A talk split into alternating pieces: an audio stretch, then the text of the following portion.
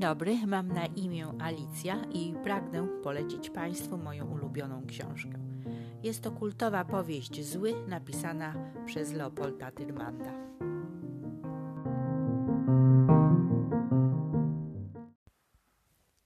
Kiedy powieść ukazała się w Warszawie w 1956 roku, wywołała ona od razu sensację, być może bardziej polityczną niż literacką.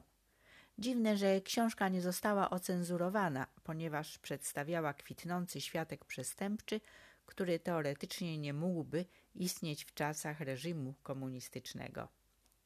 Tytułowy Zły jest pierwszym polskim superbohaterem, ale bez nadprzyrodzonych mocy. Jednocześnie jest on czymś więcej niż przeciętny człowiek z ulicy. Jest bystry, silny i potrafi poruszać się z niezwykłą szybkością. Posiada więc umiejętności pasujące do bohatera w dosłownym znaczeniu tego słowa. Celem złego jest zaprowadzenie porządku w stolicy i oczyszczenie jej z przestępstw.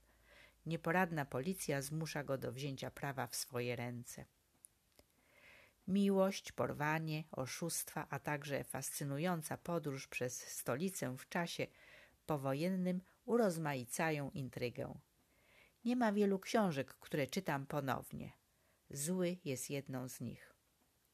Książkę polecam szczególnie tym, którzy lubią połączenie historii kryminalnej, romansu i powieści przygodowej.